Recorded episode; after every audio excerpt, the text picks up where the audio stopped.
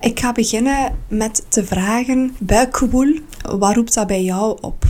En je zegt buikgewoel met een W? Met de W, ja. Ja, ik, ik associeer daar onmiddellijk een, een, een bolleke wol mee. Dat is direct een visueel beeld. Een bolleke wol die niet schoon opgedraaid is, maar ook niet heel veel knopen, maar zo'n beetje in de war is. Ehm, en dat is ook iets, iets dat beweegt voor mij. Iets dat beweegt en friemelt. Oké. Maar het, het, het voelt ook wel hoopvol, omdat je kunt in een draad ook ontwarren. Ja. Ja, dat associeer ik daarmee. Zijn er nog andere dingen?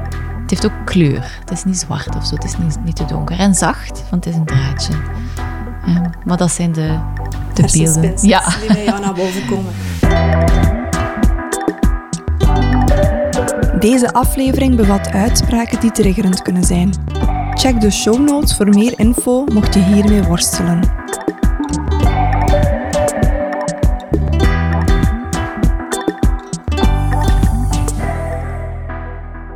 Ik ben Anne-Sophie. Ik ben opgeleid als vroedvrouw, socialagoog en seksuoloog.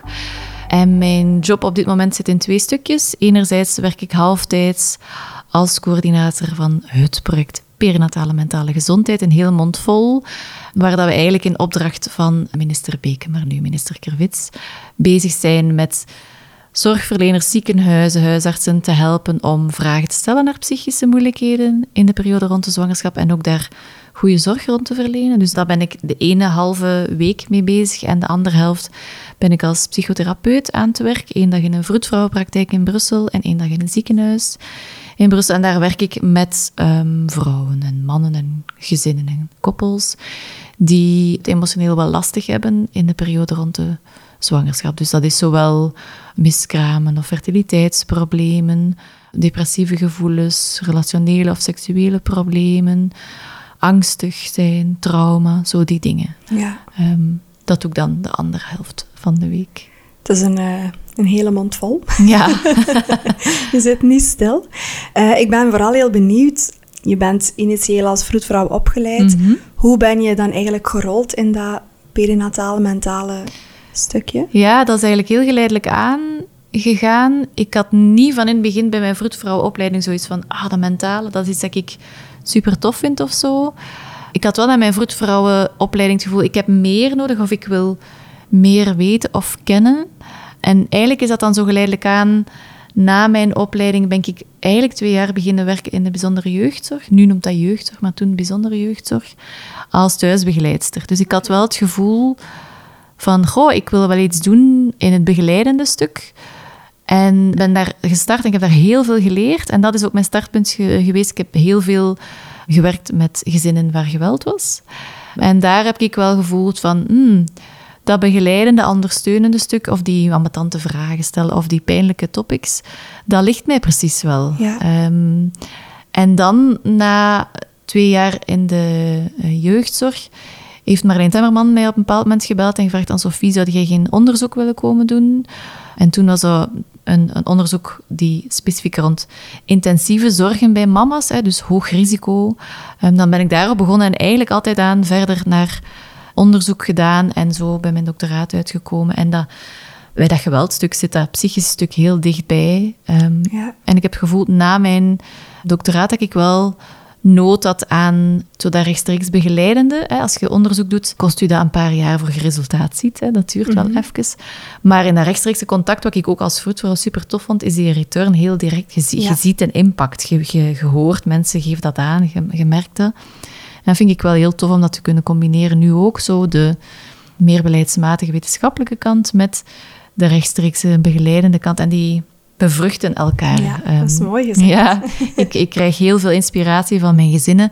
En omgekeerd kan ik wel dingen meenemen naar mijn koppels of naar de gezinnen van...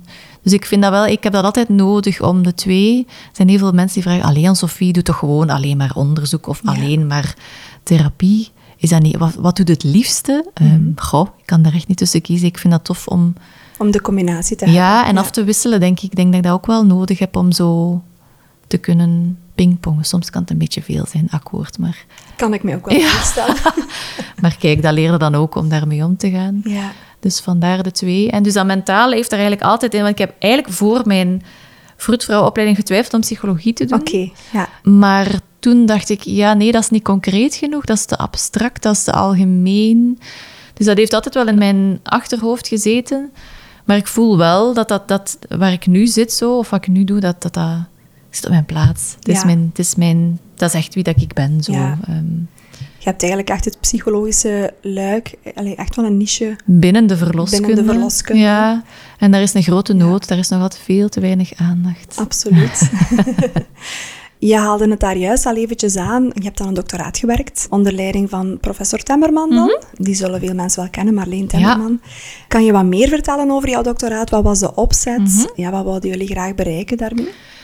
Ehm, mijn doctoraat bouwde een beetje voort op doctoraat van Christine Roeles. ehm, waar eh, Christine Roeles, de gynaecologe van het UZ in Gent, zij had al onderzoek gedaan over de prevalentie. Hoeveel komt dat nu voor? Ehm, want heel veel mensen denken, ja, dat is heel uitzonderlijk, of dat gebeurt heel weinig, of wat is dat nu?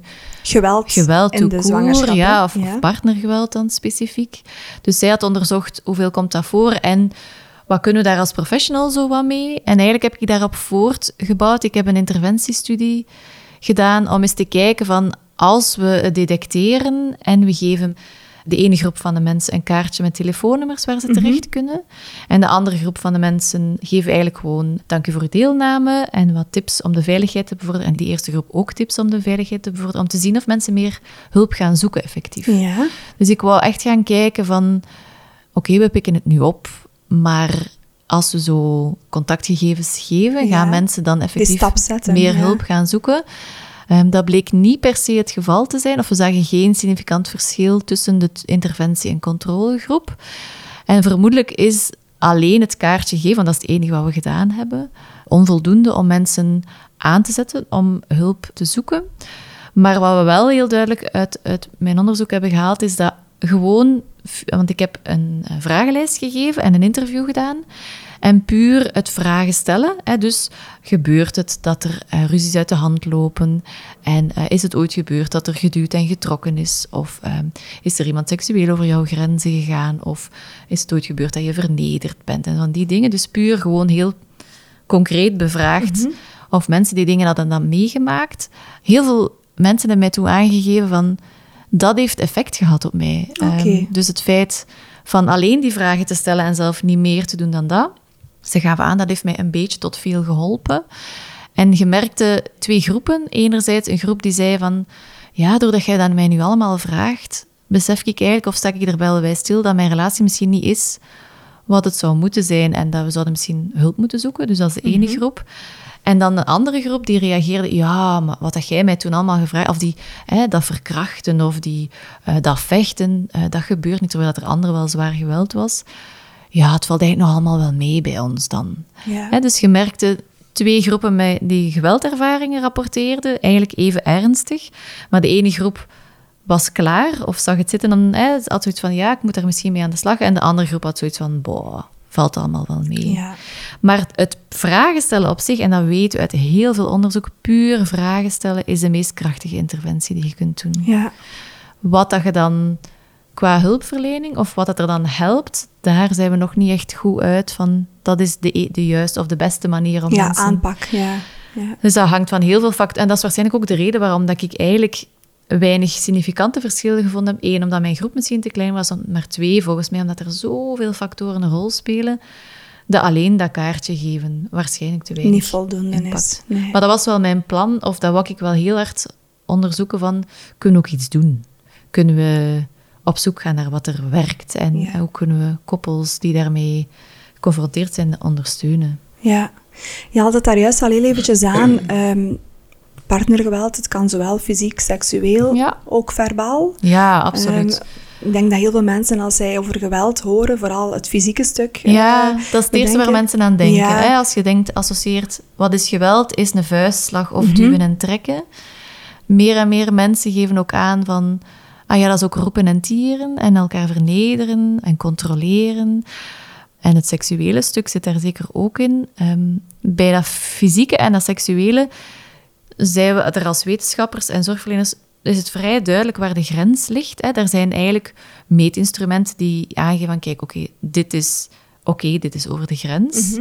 Bij dat emotionele of verbale geweld is dat veel moeilijker. Dat is veel vloer in een relatie is het gewelddadig gedrag vaak ingepakt in liefde en gaat er geen alarmbel af. Dit is over de grens. Het zou heel handig zijn, moesten we dat hebben van oké, die ruzie die er nu is, of wat jij nu zegt of doet, dit gaat er los over. En dat is niet het geval. Vandaar dat dat soms voor heel veel mensen niet duidelijk is van dit is grensoverschrijdend. Ook wat voor mij oké voelt. Hè, bijvoorbeeld eens met een deur gooien. Er zijn sommige mensen die dat prima en dat is een normale manier van ruzie maken. En andere mensen die zoiets hebben van wow, met deur gooien, dit is los over mijn Ja. grens. Ja. Of het aantal sms'jes sturen, dat vind ik ook altijd een moeilijke. Je bent op stap en je partner is bezorgd. ehm, en die stuurt u twee sms'jes. Waar ben je? Of wanneer kom je terug? Ehm, maar vanaf wanneer is het te veel? Wanneer Ja. is het controlerend? Wanneer is het erover?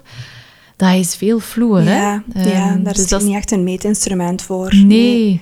En dat maakt het ook zo moeilijk vaak om daar cijfers over te hebben, omdat je eigenlijk een soort van arbitraire cut-off moet nemen van oké, dit is grensoverschrijdend, Mhm. Ja. dit is geweld.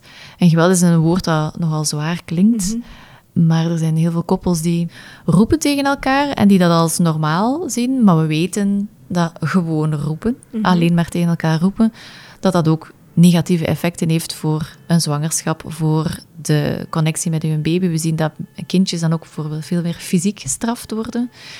Dus alleen maar roepen, als, als mijn koppel zou zeggen van ja, maar wij vechten niet, hè, wij duwen en trekken niet, wij roepen alleen Mhm. maar. En dan denk ik, mm, gewoon roepen Eigenlijk is ook eigenlijk ook echt geen Ja. goed idee. Ja. Maar er is een soort van verdraagzaamheid Mhm. of, of gedoogbeleid eh, bij heel veel koppels van ja, wij roepen alleen maar, dat is oké. Ja. Hoe minder dat je dat doet, hoe beter. ja, ik ga daar straks zeker verder op doorgaan Mhm. over wat die gevolgen kunnen zijn op een zwangerschap, Ja. de baby, Ja. ehm, hechting, al die zaken. Maar ik ben wel benieuwd, het is heel moeilijk, zeg je net, om eh, concrete cijfers aan te halen, net omdat het zo'n vloe grens is. Ja. Maar als je toch een ruime schatting zou moeten geven, hoe frequent komt het voor? Het partnergeweldstuk, hè, dus dat is dat gedrag dat we daar straks beschreven hebben, van partners of ex-partners, effectief gedrag of de dreiging, die kan schade berokkenen aan de andere partij. Hè. Dus dat is een heel brede definitie. En we weten, levensloopprevalentie zit rond de 30% Ja. Dus 1 op 3 vrouwen, 1 op 5 mannen ongeveer, dus dat ligt vrij dicht bij elkaar, maken partnergeweld mee ooit in hun leven. Dat is behoorlijk veel. Absoluut, Eh, Als ja. je op straat rondloopt of je bent in een groep met tien mensen, dan zijn het er al twee, drie. Ja. Ehm, dat is veel, dat Ja. komt veel voor. Ehm, de cijfers rond de zwangerschap zitten tussen de 10, 15 procent. Dus er zijn behoorlijk wat vrouwen en mannen die een baby verwachten, die ook geconfronteerd worden met partnergeweld. Ja. Dus het is niet, dat is geen uitzondering. Hè? Dat is niet dat dat Nee, 10, heel 15 uitzonderlijk is echt veel. Hè? Dat is echt Ja, veel. Veel te veel. Ja, ja. En zie je een verschil tussen de geslachten? Want ik denk bij geweld dat ook heel veel luisteraars... Het eerste wat in hun naar boven zal komen zal zijn... Het zijn vooral vrouwen die slachtoffer zijn. Maar ik kan mij voorstellen dat dat misschien niet Nee, een dat is- terechte veronderstelling is. Nee, dat klopt. Dat is niet gewoon. ehm, enfin, in, in de literatuur weten we dat er twee grote vormen zijn. Enerzijds het wederzijds geweld en anderzijds het intiem terrorisme. En het intiem terrorisme is wat je voorstelt, wat je in de film ziet. Hè, die woeste man die zijn vrouw van de trap gooit en die vrouw die daar gewoon incasseert en Ja. ondergaat. En dan zie je een groot machtsverschil. De een is heel bang van de andere. En het komt uit één richting. Ehm, en die vormen van geweld, die zien we heel vaak opduiken op de spoedopnames, in de politiestatistieken. Ja. ehm, zeer machtsongelijk. eh, maar dat is zeker niet de meest voorkomende vorm. De meest voorkomende vorm is net dat wederzijds geweld. En wat is dat dan? De ene roept, de andere duwt, de volgende trekt en ruzies lopen uit de hand. Ja. En als je aan die koppels vraagt, zijn jij bang van uw partner? Gaan die zeggen nee, dat is onze manier van ruzie maken. Dat is echt niet zo machtsongelijk. Dus dat zijn andere soorten Ja. geweld. Dus het hele man is de dader en vrouw is de slachtoffer komt heel erg vanuit de feministische beweging die in de jaren 70, 80 onderzoek is beginnen doen en vrouwen is gaan bevragen naar slachtofferschap en heel vaak die intiem-terroristische stukken er heeft uitgehaald. Ja. En dat, we, dat is ook wat dat we in de films nog heel vaak zien. Ja. En we zien ook heel vaak tolerantie, of gemerkt dat misschien in uw eigen omgeving, dat vrouwen die geweld gebruiken, we vinden dat een beetje grappig. Of we vinden dat oké op de een of andere manier. Hè. Een film waar er een suggestie is dat de man zijn vrouw bedrogen zou hebben en dan een glas wijn of een klets in het gezicht, dan hebben we instinctgevoel terecht. Hè. Mhm, Hij verdient dat terecht. Dat ik zoiets heb van oei, maar dat is helemaal niet terecht. Je hoeft je partner, zelf al is er een idee dat, die, dat er, je hoeft die niet te slaan. Je Nee. hoeft geen glas wijn in elkaars gezicht te, te tonen. Hij verdient dat niet. Dus er is een soort van verdraagzaamheid in de westerse context naar vrouwen die geweld gebruiken. En we weten dat vrouwen fysiek meer geweld gebruiken dan mannen. Maar ehm, de gevolgen zijn vaak minder groot. Hè? Dus Ja. als vrouwen een klets geven of duwen en trekken, de meeste vrouwen zijn minder sterk. Ja. Dus de letsels gaan minder groot zijn. Dus de gevolgen van mannelijk geweld naar vrouwen gaat groter zijn. Maar we weten heel duidelijk dat vrouwen fysiek meer geweld gaan gebruiken dan mannen. Ook omdat het zo op de een of andere manier oké Gedoogd wordt, gedoogd ja. wordt. Ja. Ehm, want je denkt, oh ja, die man moet zich toch maar kunnen verdedigen. En ehm, die kan daar toch tegen. Terwijl dat daar helemaal geen reden voor is Nee. om dat te denken. Nee, absoluut niet. Het emotionele geweld zijn wel meer vrouwen eh, die dat gaan gebruiken. En het seksuele meer mannen. Al komen de laatste jaren komt er ook meer en meer onderzoek van mannelijke slachtoffers van seksueel geweld. En ook daar zien we eigenlijk gelijkaardige dingen. Dus ik ga er eigenlijk heel hard van uit dat het gros van partnergeweld wederzijds geweld is in prevalentiecijfers. En eigenlijk dat de soorten geweld die gebruikt worden heel gelijkaardig zijn. En dat er niet per se alleen vrouwelijke slachtoffers en mannelijke daders zijn. Dus ik probeer van slachtoffers en daders eigenlijk niet te spreken. Ik probeer eigenlijk gewoon van, hè, dat is een koppel die ervaring heeft of die in een geweldsituatie leeft. Ja. Ik probeer daar ook in mentaal heel erg op te letten Ja. omdat beide een aandeel hebben. En beide, je, kunt geen, je kunt niet alleen ruzie maken. Dat gaat niet. Je kunt niet alleen kwaad zijn en dingen laten escaleren. Je hebt alle twee een rol. Zij de verantwoordelijk voor je gedrag als je geweld gebruikt? Ja, maar dat betekent niet dat de ander dan onschuldig zou zijn. Hè? Dus dat, zijn, dat is een Dat zijn dynamiek. twee verschillen, hè. Ja. Dat is een pingpong. Ja. En dat is op en neer met twee aandelen. En iedereen die gewelddadig gedrag stelt, is niet oké. Ja. dus dat, dat gedogen we niet.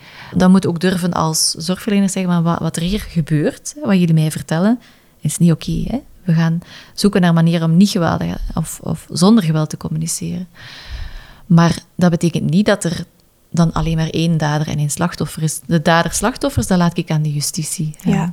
Wie is er begonnen of wie zijn schuld is het? Goh, ik laat dat altijd los. Dat heeft geen zin, dat is een wisselwerking. Ja. Er zijn twee daders en twee slachtoffers. Koppels die geweld gebruiken vinden dat niet tof. Die willen daarvan af. Die zijn daar ongelukkig van. En hebben alle twee een aandeel. Waar ik niemand op- twee wil beschuldigen. Hè? En recht op hulp, hè. En recht op hulp. Want heel vaak, ah, dat is een dader. Of hè, die vrouw is gewelddadig. Ja, dat is dan per definitie van, ja, die moet dan eerder veroordeeld of bestraft. Mhm. Of dat was het repressieve stuk. Terwijl dat mensen die het verliezen, het geduld verliezen en niet meer anders kunnen dan fysiek of beginnen roepen en tieren, die moeten ook geholpen Ja. worden. Dus dat is... Vandaar dat ik dat wil loslaten, slachtoffers, daders. Ja.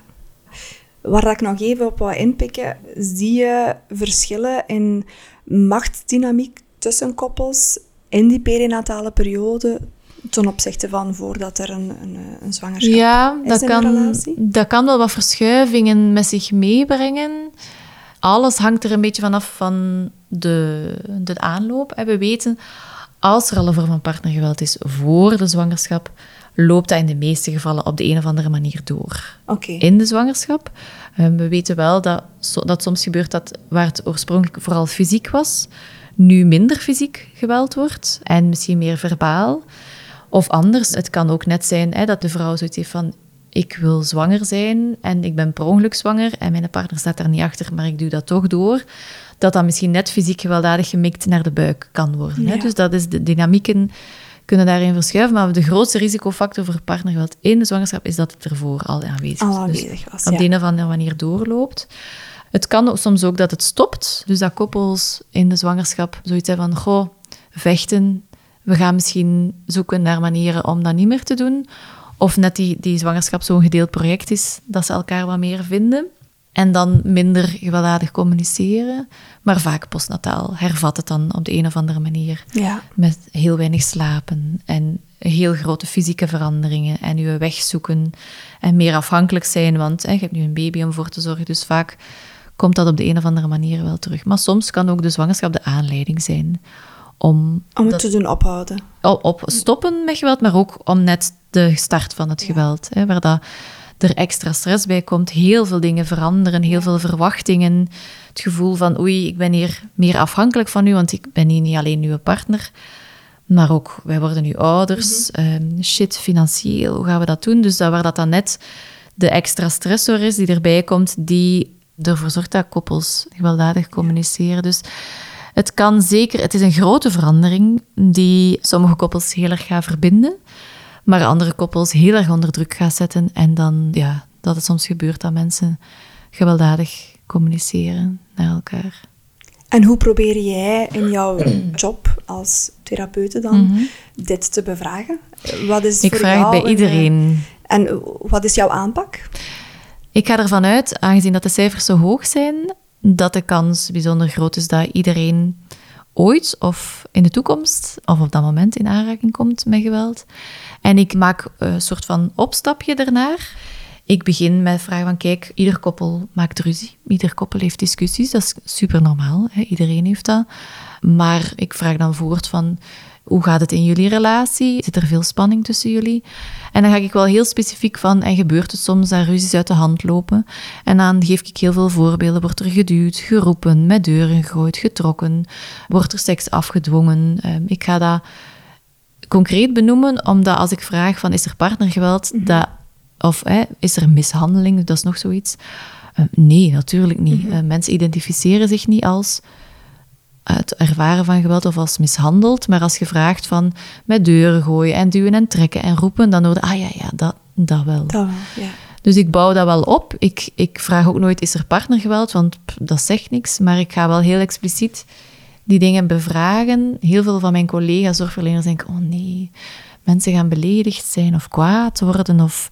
ehm, dat gaat ongemakkelijk worden, maar in al die jaren, en dat is nu ondertussen acht jaar of zo, dat ik die vragen stel, ik heb nog nooit een klets gehad of iemand die boos wegstapte of beledigd was. Ehm, ik doe dat vanuit een bezorgdheid naar, ik, het is mijn taak om voor jullie te zorgen en, en ook voor jullie babytje. En het is normaal dat er ruzie is. En het is niet oké als dingen uit de hand lopen, maar laat ons zoeken naar manieren om daar mee aan de slag te gaan. En door op deze manier te... dat- Misschien interpreteer ik het fout, maar heb ik altijd al het gevoel gehad van oké, ik kan het zo wel inschatten. En dan vraag ik van ja, goh, dat moet niet tof zijn dat je dat ervaren, hè, dat, dat er zoveel spanning en ruzie is. Wat hebben jullie zelf al geprobeerd om daarmee om te gaan? En gemerkt dat heel veel koppels al superveel geprobeerd hebben om, daar, om dat minder of dat niet meer te doen. En soms moeten we zoeken naar, oké, wat zijn nog dingen die je kan proberen? Ja. En dat is wel, je kunt dat leren, hè? Je kunt leren minder destructief te communiceren. Heel veel mensen denken, oh nee, vanaf dat er partnergeweld is, dan is dat om zeep. Ehm, je kunt echt leren om, maar je moet wel willen. Hè? Ja, Dus je moet met ja. twee bereid zijn om daarin te investeren en te zoeken en nieuw gedrag te leren. En dat vraagt, we weten, hè, nieuwe connecties in je hoofd te maken, Mhm. vraagt de acht weken intensief elke dag dat gedrag oefenen. En dan gaat dat automatischer. Maar ik zie dat elke dag eh, of elke week gebeuren, dat koppels daar stappen in zetten. Anders zou ik mijn job niet uithouden, moest dat niet te leren dus, zijn. Dus dat is ook waar jij ze echt in begeleidt Ja, dan. Dus ja. als zij effectief erkennen van oké, inderdaad, de manier hoe dat wij communiceren met elkaar... We geraken er niet uit, of we hebben al zoveel geprobeerd en het gaat niet goed. Ja, dan ga ik heel concreet gaan kijken van oké, een van de dingen die we bijvoorbeeld heel hard oefenen of proberen is een time-out installeren. Dat er afspraken zijn van kijk, als er ruzie is, als de spanning stijgt, dat jullie alle twee kunnen zeggen oké, time-out. En dat betekent een half uur uit elkaar in een andere ruimte. En met een baby moeten we soms gaan zoeken wie gaat die baby meenemen en hoe gaan we de zorg organiseren. Maar een half uur afkoelen heb je minstens nodig, want als je lichaam geactiveerd is in een soort van overlevingsreflex, dan heb jij een half uur nodig. Dat is ook de reden waarom na een ruzie of na een vervelende opmerking van een collega, ik en iedereen, denk ik, voor heeft twee uur later, shit, ik had dat en dat en dat moeten zeggen. Ineens werkt uw brein weer en weten, Klopt. verdorie, had ik dat en dat maar gezegd. Maar dat, we weten gewoon, als uw brein oppikt van oei, gevaar, en dat, kan, dat moet geen een tijger zijn, en dat kan gewoon een opmerking zijn, dat uw brein dichtslaagt, uw cognitief, hè, dus het rationele denken stopt. En als je in die een tunnel zit, ga je gewoon beginnen roepen en tieren en kun je jezelf niet meer in de hand houden. Dus vandaar op tijd voelen dat de spanning stijgt en uit elkaar. Dat je een half uur afkoelt. En dan is de afspraak degene die de time-out gevraagd heeft, ook het initiatief neemt om terug het gesprek aan te gaan. En dan als je afgekoeld bent. Dus dat is een, van, een, een, een, praktisch voorbeeld van een oefening of iets dat we heel hard mee aan de slag gaan om net die escalatie te vermijden. Ja. En dat is iets dat wel werkt bij koppels. Ehm, dat is wel een goede tip. Je kunt dat oefenen. Dat is niet zo moeilijk. Ik, merk zelf ook wel, ik heb van jou les gehad al een paar keer. En je hebt het toen inderdaad ook heel duidelijk gemaakt van stel gewoon de vraag. Eh, mhm. als je het op een uh, verbindende manier stelt, zoals dat jij het nu net het voorbeeld eigenlijk gaf. Dan, allee, dat jij het nog nooit hebt voorgehad, dat je echt een, een scheve kreeg, bij wijze van spreken. Maar ik merk wel ook als ik er met collega's over praat, dat dat toch wel een moeilijke is. Ja, dat blijft taboe, dat blijft ongemakkelijk, ja, dat blijft je wil niet op iemands tenen trappen. Hè. Ja. Maar ondanks dat heb ik het wel, dankzij de lessen die ik had heb van jou, toch al een aantal keer wel aangedurfd. En op zich ook nooit een negatieve reactie gehad, integendeel. Dus het is wel een groeiproces ook wel. En ik kan me voorstellen dat veel zorgverleners dat wel zo gaan ervaren.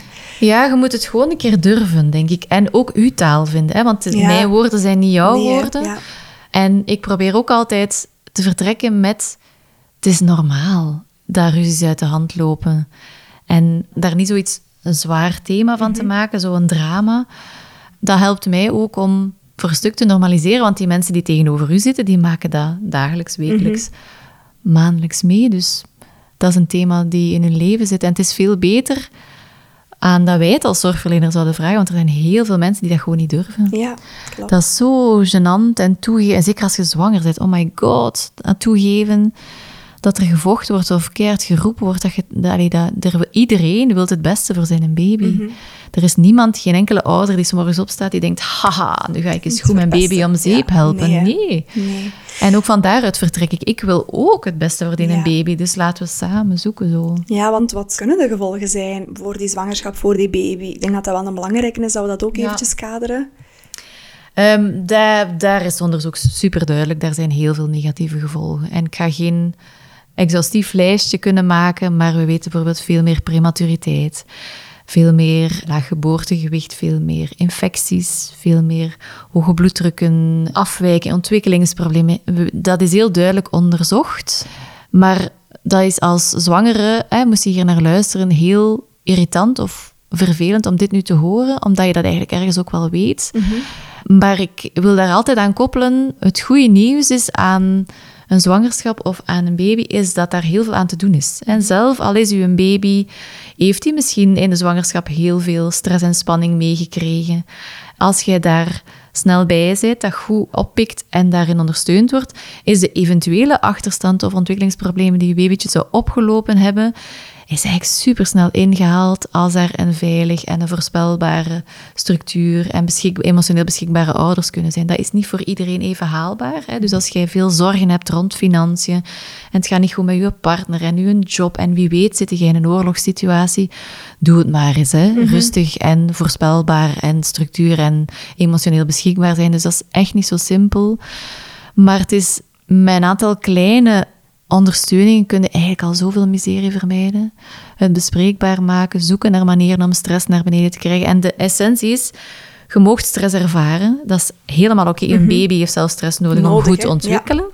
Maar het moet ook af en toe eens naar beneden gaan. Dus als jij manieren vindt om... Oké, ik probeer s'avonds even een ademhalingsoefening te doen. Of in mijn dag. Of ik ga wandelen, want ik moet er even uit zijn. Ehm, als je erin slaagt om af en toe die stress naar beneden te krijgen, dan ben je al super goed bezig. Dus het is geen goed idee roepen en tieren in de zwangerschap en je een baby detecteert En er kunnen ontwikkelingsproblemen van komen en moeilijkheden in de hechting enzovoort. Maar je kunt er ook heel veel aan doen. Ja. Dus ik, ik wil vooral die boodschap geven. Het is niet omdat er eventueel wat hindernissen zijn, dat het dan om zeep is. Mhm. Of dat je dan per definitie, hè, want heel veel vrouwen en mannen denken: oh my god, hè, wat voor slechte ouders zijn wij. Dat is het niet. Hè. Je kunt zoveel meegeven aan je baby van: kijk, het is moeilijk, maar ik ga zoeken naar manieren om daarmee om te gaan. En puur al, hè, dat, dat is iets dat je als zwanger wel echt kunt doen, is dat vertellen tegen je baby. Zelf al is je baby 12 weken, luid op of in je hoofd, zeggen van: amai kerel, dat is hier nu wel even heel lastig geweest. En jij moet ook geschrokken zijn dat mama of papa, of dat wij zo boos waren, of dat er mhm. zoveel verdriet was. Maar we zijn wel heel blij dat jij komt en jij bent heel welkom en we gaan zoeken naar manieren. Dus tegelijkertijd benoemen van die moeilijke emoties naar je baby. Mhm. En ook erachter koppelen van, kijk, het is niet uw schuld, we zien u graag, ehm, we zijn er voor u. Het is zoeken, maar hè, je mocht er zijn. Zo die, ook die positieve boodschap. Uw baby vanaf 20 weken gaat horen en gaat niet per se woorden verstaan, maar wel intonatie. Daar is heel mooi onderzoek, er zijn heel veel leuke YouTube-filmpjes van te vinden. Van babytjes die pas geboren zijn en de papa bijvoorbeeld vertelt iets. Dat je naar puur de intonatie, want die horen niet, maar intonatie gaan, gaan baby's horen. "Hmm, dit is zacht, dit is welkom, dit is fijn. Dus zelf al leef je in heel veel ruzie, ehm, benoemt dat naar je baby en koppelt er direct ook een positieve boodschap aan van kijk, goh, we zijn aan het zoeken, maar je bent wel heel welkom. Ja, Eh, zo die dingen. ik denk dat dat een hele mooie is, ja. Ik ben er een beetje stil van. ik herinner mezelf ook in de opleiding tot perinatale coach. Een andere psychologe vertelde dat. Inderdaad, praten tegen jouw baby in de zwangerschap, ook al is hij nog zo klein in de buik. Dat kan misschien gek klinken een beetje voor de mensen die er en ja, gek klinken. Ja, maar dan zei de psychologe uiteindelijk tegen uw hond praat ook. En die kan ook niet letterlijk begrijpen wat dat jij zegt, maar die gaat wel de intentie Ja. en de intonatie herkennen. Dus dat is inderdaad wel een mooie om mee te geven ook aan de luisteraars. Hè. Ja, als je dat ziet zitten, mogen hardop, maar zelf gewoon in je hoofd. Weet je dat dat je eigen stressniveau ook al naar beneden gaat halen. Ja. Ehm, dus Of het alleen al- opschrijven. of opschrijven. Ja. Dus het benoemen, al is het ingebeeld en het opschrijven of in je hoofd, kan helpen. En je moet daaraan toe zijn. Hè? Niet iedereen heeft zoiets van, oh, ik vertel hier even mijn vraag een beetje moeten zoeken. Maar dat zou een manier kunnen zijn om stress naar beneden te krijgen en je babytje voor een stukje ook te beschermen. Ja. En als ik bijvoorbeeld traumatherapie doe met zwangeren, dan vraag ik ook altijd om u zich voor te stellen van een soort van bubbel rond in een buik te maken, een soort beschermlaagje. Helemaal er rond, erachter, erdoor, hè, dat er een soort van extra laag zit. En we weten ook dat dat puur dat in uw hoofd, dat visualiseren, dat dat voor een stuk ook al de emotionele impact kan Ja. tegengaan. Dus zo van die trucjes om uw babytje te beschermen, kan mooi. misschien ook wel helpen. En voor de luisteraars die zelf toch ook wel kunnen vaststellen van hmm, de manier hoe dat wij met elkaar communiceren is niet altijd oké. En wij hebben een, eh, een, een pasgeboren baby. Welke tips zou je hen kunnen geven? Ja, ik zou alvast proberen om die time-out eh, te installeren. Dus voelen bij jezelf, in je lijf gaan observeren, hoe voel ik spanning stijgen. En als soort van thermometer of barometer gebruiken van, oké, die knoop in mijn maag, of die krop in mijn keel, of die spanning in mijn nek. Ja, ik voel dat spanning stijgt en daar gaan zoeken, oké, vroege signalen, niet als je ontploft bent en als je al aan het roepen bent, dan is het te laat. Dan zit je, dan zit je op je trein, dan... Maar gaan observeren in je lijf en je lijf gaat u dat aangeven. Dus je gaat vaak al fysiek signalen voelen voordat je het door hebt in je hoofd. Een soort van hè, eh, observator naar jezelf zijn en voelen hoe dat spanning stijgt. En eigenlijk daar proberen snel bij te zijn en snel naar beneden te krijgen. Ja. En wat voor jonge gezinnen zo essentieel is, is steun en hulp. Sociaal, praktisch, maar ook emotioneel. Zo'n baby die huilt, dat is erop gemaakt om je kortsluiting in je hoofd te geven, anders zouden we ze verwaarlozen. Dus dat is super vermoeiend om een krijzende baby, al is het maar drie minuten, laat staan veel langer, te verdragen. Dus je hebt ook mensen nodig die het overnemen. Die even zorg overnemen. Jij kunt gaan afkoelen, je kunt met je man, met je partner, met je lief op stap leuke dingen doen. Al is het vijf minuten, toerken rond een blok. Hè. Je moet met een baby soms creatief zijn. Maar ik heb gemerkt, zeker in coronatijd, dat dat sociale steunstuk nog veel meer onder druk stond. Ja. Dus alsjeblieft, zoek uw mensen. Hè, de buurvrouw die misschien op de babyfoon kan letten. Vijf minuutjes, tien minuten, gewoon even buiten. Afkoelen. Leuke dingen doen samen. Zo. Hoe meer dat je die stress kunt reguleren en voelen van oké, het stijgt, maar het loopt niet meer uit de hand, hoe beter. Ja, mooi.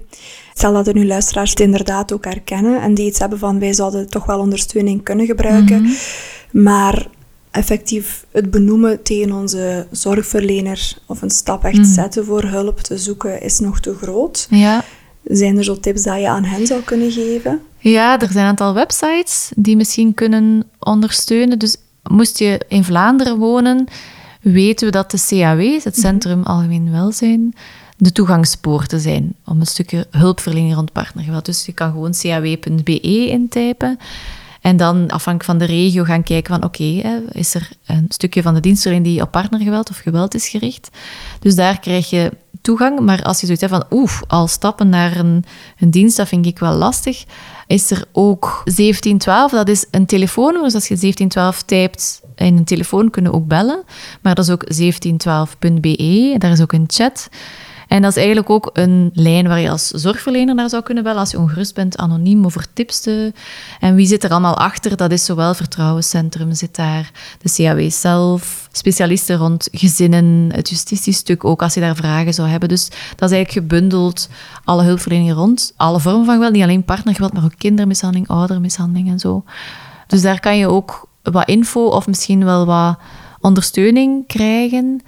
Dus er is wel wat hulp, maar er zijn heel veel mensen die zoiets hebben, oei, hulp zoeken, dat gaat gevolgen hebben. Ik ben bang, wie weet gaan ze mijn kindjes afpakken of zo. Mhm. Dus ik snap dat dat eng is, maar het is belangrijk om in het achterhoofd te houden dat het beleid in Vlaanderen of in België heel erg is binnen de vrijwilligheid. Dus hoe meer dat wij kunnen samen zoeken naar manieren dat jij goed voor je kindjes kunt zorgen en ook goed in je vel zit, hoe beter. Dus hoe vroeger dat je erbij bent en dat je zelf ondersteuning hebt, hoe beter voor jezelf en hoe beter voor je heel gezin. Maar ik snap dat dat een grote stap is en eng. We weten uit, uit mijn eigen doctoraatsonderzoek weet ik dat ongeveer 70% over het geweld vertelt tegen familie en vrienden.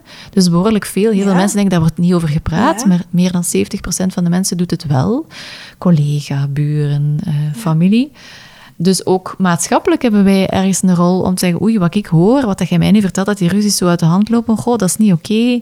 Zijn er geen manieren om wat hulp te zoeken? En dan komen we terug bij dat intiem terroristische of dat wederzijds geweld. We weten koppels die wederzijds gewelddadig zijn, waar eigenlijk geen grote machtsverschillen zijn, dat die eigenlijk echt geholpen kunnen zijn met relatietherapie en mhm. leren minder gewelddadig communiceren. De intiem terroristische koppels, dat is een ander verhaal. Daar ga je eerst echt met die grote machtsongelijkheid moeten gaan zoeken naar impulscontrole. Ehm, omdat je die stap wel nodig hebt vooraleer dat koppels in relatietherapie genoeg gelijkwaardig kunnen werken aan. Ja. dus die koppels rechtstreeks sturen naar een relatietherapeut, dat gaat geen of geen goed effect hebben. Hè. Dat, dingen kunnen daar misschien nog, nog meer uit de hand lopen. Dus daar moet je het stukje impulscontrole wel gaan oefenen. Ik kan mij voorstellen dat er inderdaad eh, een soort van veiligheid ja. dan toch zal ervaren worden voor de... Absoluut. Als er inderdaad een, sprake is van een slachtoffer. Ja, en een dus als dat heel machtsongelijk is. En dat kun je eigenlijk gewoon heel simpel aan jezelf vragen of aan buren. Of ben je bang van mm je partner? Ehm, en als er ja komt, ik ben bang, dan weet je dat je dat in dat intiem terroristische stuk zit. Dus dan ga je meer moeten doen. Dan ga je meer ondersteuning in dat impulscontrole stuk nodig hebben. Dus het is een beetje een andere aanpak. En als je een psycholoog zou zoeken of een relatietherapeut, mhm. kan het geen kwaad om eens te polsen als je belt of via via polst. In welke mate is, is hij daar vertrouwd mee? Of heeft, is hij niet bang? Of durft hij, of heeft hij ervaring met partnergeweld? Want niet iedere relatietherapeut, jammer genoeg, of psycholoog voelt zich comfortabel om met deze problematiek om te gaan en heeft ook niet, niet per se de skills. Dus als je therapeuten zoekt, kan het geen kwaad om eens te kijken van, is hij daarin thuis? Ja. Ehm, moet je een beetje durven. Dat, dat is toch wel echt een meerwaarde, iemand die dat durft of kan. Heeft, hè? Ja. Maar er plakt geen etiket op, de, op het hoofd van de psycholoog, dus je gaat het wel echt moeten uitpluizen of het zo is, of aanvoelen. Misschien een goede stap is ook altijd met je huisarts mhm. bespreekbaar maken. Ja. Ik kan me voorstellen dat de huisarts ook wel vaak een persoon is die weet absoluut. van die psycholoog of therapeut heeft toch echt wel daar meer specifieke ervaring in. Dus dat kan een vertrouwensfiguur zijn. Het ingewikkelde soms aan huisarts is dat dat de arts is van het hele gezin. Dus dan de arts van de beide partners. En dat sommigen zoiets zijn van oei, ik voel me niet op mijn gemak om dan te vertellen tegen de huisarts, die ook van mijn partner is, hè, mhm. dat dingen uit de hand lopen. Maar als je daar comfortabel bij voelt, kun je ook met twee of met je gezin naar je huisarts gaan. Ik merk in de opleiding van de huisarts de laatste jaren dat er ook wel echt geïnvesteerd wordt in dat geweldstuk. En dat er ook meer en meer durft bevraagd worden. En dat zij ook wel een weg kennen in naar waar. Dus de huisarts kan zeker een fijne figuur zijn. Als je het niet comfortabel voelt, kan je misschien ook voor het geweldstuk eens naar een andere huisarts gaan. En eens zoeken. Goeie tip. Als ik zo in mijn omgeving kijk, dan hebben mensen vaak de veronderstelling, zeker als er die machtsongelijkheid is, mhm. van waarom gaat het slachtoffer niet gewoon weg? Mhm. Ook in de tv-series, films zie je dat vaak. Ehm, dat het blijkbaar dan toch zo moeilijk is voor een slachtoffer. Uh, Ja, of dat ze vaak. altijd terugkomen. Kan je daar iets meer over vertellen nog? Dat is vaak een komt? oordeel dat leeft. Hè? Of dat mensen zeggen, moest mijn partner, Ja. dan was ik al lang vertrokken. En dat is wat ik in het begin vertelde. De hele communicatiedynamiek is overgoten met een sausje van liefde. Dus dat is vaak een fantastisch liefdevolle partner, moeder of vader van uw kinderen, waar dat je smoor verliefd op geworden bent. En die buiten het, het agressieve stuk misschien uw, uw droomprins of prinses is. En vanaf wanneer ga jij zeggen, dit is de sms te veel? Vanaf wanneer ga jij zeggen, oké, met deuren slaan of roepen en tieren, i- ik pak het er nu niet meer bij. Dus dat er gaat geen alarmbel af. En dat is de moeilijkheid, dat is zo subtiel. En overgoten met een sausje van liefde, dat dat niet zo duidelijk is. En bovendien, los van... Hè, er zijn in andere relaties irritante eigenschappen van uw partner die je erbij neemt. En die je hebt van, oké, dat is wie dat hij of zij is. En dat geweldstuk of dat agressief gedrag zou ook daar iets van... Tot wanneer verdraag je dat? Ja. En tot wanneer niet? En dat is kei moeilijk. Dus daar zit heel veel liefde in, wat maakt het dan niet zo simpel is om de stekker eruit te trekken en te zeggen, nu is het te veel. Dat is ook de reden waarom dat koppels soms 20, 30, heel leven lang bij elkaar blijven en zeer agressief communiceren. Omdat ze geen manier vinden om het niet te doen en dat er de dingen die elkaar verbinden heel sterk Ja. zijn. Ja. Dus vandaar stop maar met oordelen. Moest mijn man? Nee, als je daarin zit, gaat er geen alarmbel af en merk je dat niet zo duidelijk. En zijn er heel veel factoren die je samenhouden. ja. Dus ja. Dus ondanks het feit dat het soms beter zou zijn voor sommige koppels om wat meer afstand in te bouwen. En heel veel van mijn collega's denken, ja, die moeten toch gewoon uit elkaar en dan is het voorbij. En we weten dat geweld net escaleert als mensen uit elkaar gaan. Dus het is niet zo als ze mensen opgepakt worden door de politie of in de gevangenis of uit elkaar gaan, dat geweld stopt. Integendeel, vaak loopt dat nog veel feller op de een of andere manier voort. Dus dat is niet de oplossing Ja. uit elkaar. Eh, er zijn wel manieren, je kunt wel leren om minder gewelddadig te zijn. Maar dat vraagt oefeningen, inzet en engagement. ja. Dat hoort erbij. Ja, super boeiend. Ik hoop dat eh, veel mensen die luisteren daar iets aan gaan hebben. Als er zorgverleners luisteren, dat ze ook effectief de stap gaan durven zetten om het Ja. gewoon te bevragen eh, Ja. aan aanstaande ouders. Absoluut. En als er ja, luisteraars zijn die zelf toch bemerken van goh, de manier hoe dat wij communiceren is misschien inderdaad toch niet zo geweldloos, dat zij ook de moed vinden om... eh, Want er is heel veel hulp. Ja. Hè? Dus sommige mensen zijn bang, oh nee, en er gaan kei veel wachtlijsten zijn en wij moeten het zelf oplossen. Dat is niet zo. Hè? Er is hulp. We leven in een land die daar echt in geïnvesteerd heeft de voorbije jaren. Sinds de, de, de, de Dutroux-affaire is dat... Kijk, en ze zijn hier al direct. het zal weer verkeerd geparkeerd zijn. Kijk, we zijn Brussel, hè. ja, Het blijft zo. We waren bezig met Dutroux, hè? Ja. Het is voornamelijk de Dutroux-affaire die ervoor gezorgd heeft dat België heel veel geïnvesteerd heeft in ondersteuning qua geweld. Hè. Er is ook zoiets als de Family Justice Centers. Ehm, huizen waar de hele aanpak rond geweld verzameld is. Dus zowel de medische zorgen als de psychische zorgen als de justitiële zitten samen en daar kun je ook terecht. Dus er is echt wel hulp. Ja, het gaat moed vragen om de hulp te zoeken. Ehm, maar het is wel effectief de moeite, want je kunt, je kunt daar ook uit geraken. Ja. ja. Maar dat gaat wel, je gaat even jezelf moeten overwinnen om de stap te zetten. Ja. Dat is zo. Ik ben ook ineens aan het denken, er zijn nu ondertussen, ik geloof deze week is het zevende centrum voor seksueel geweld eh, opgericht zorgcentra, in, eh, ja. zorgcentra. Dus ook daar, hè, sinds dat het meer en meer in de media ook komt, Ja. zien we ook de aanmeldingen stijgen. Absoluut. Ja. En vermoedelijk is dat niet omdat er per se meer geweld gepleegd wordt, maar vooral omdat mensen gemakkelijker de weg ja. We hebben de cijfers Vinden, wel, hè? in coronatijd hebben we de cijfers wel effectief zien omhoog gaan. Mhm. Omdat de copingstrategie of de vluchtwegen beperkter Eh, waren. Ja, ja, ik bedoel, je zat opgesloten, dus dat loopt rapper uit de hand. Maar ehm, er wordt meer over gepraat, dus er wordt ook meer hulp gezocht. Dat Ja. is zeker ook.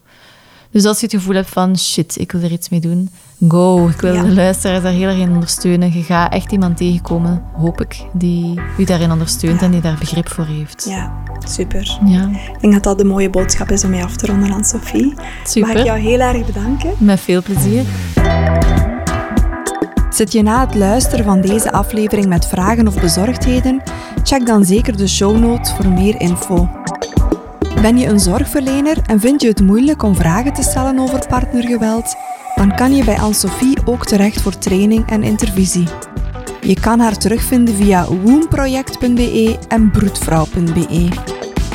Ben je benieuwd wat ik voor jou kan betekenen? Check dan zeker mijn website. Als je iets gehad hebt aan deze aflevering, dan vind ik het fijn dat je een review achterlaat en je abonneert. Je kan me ook een bericht sturen via Instagram en Facebook. Bedankt om te luisteren.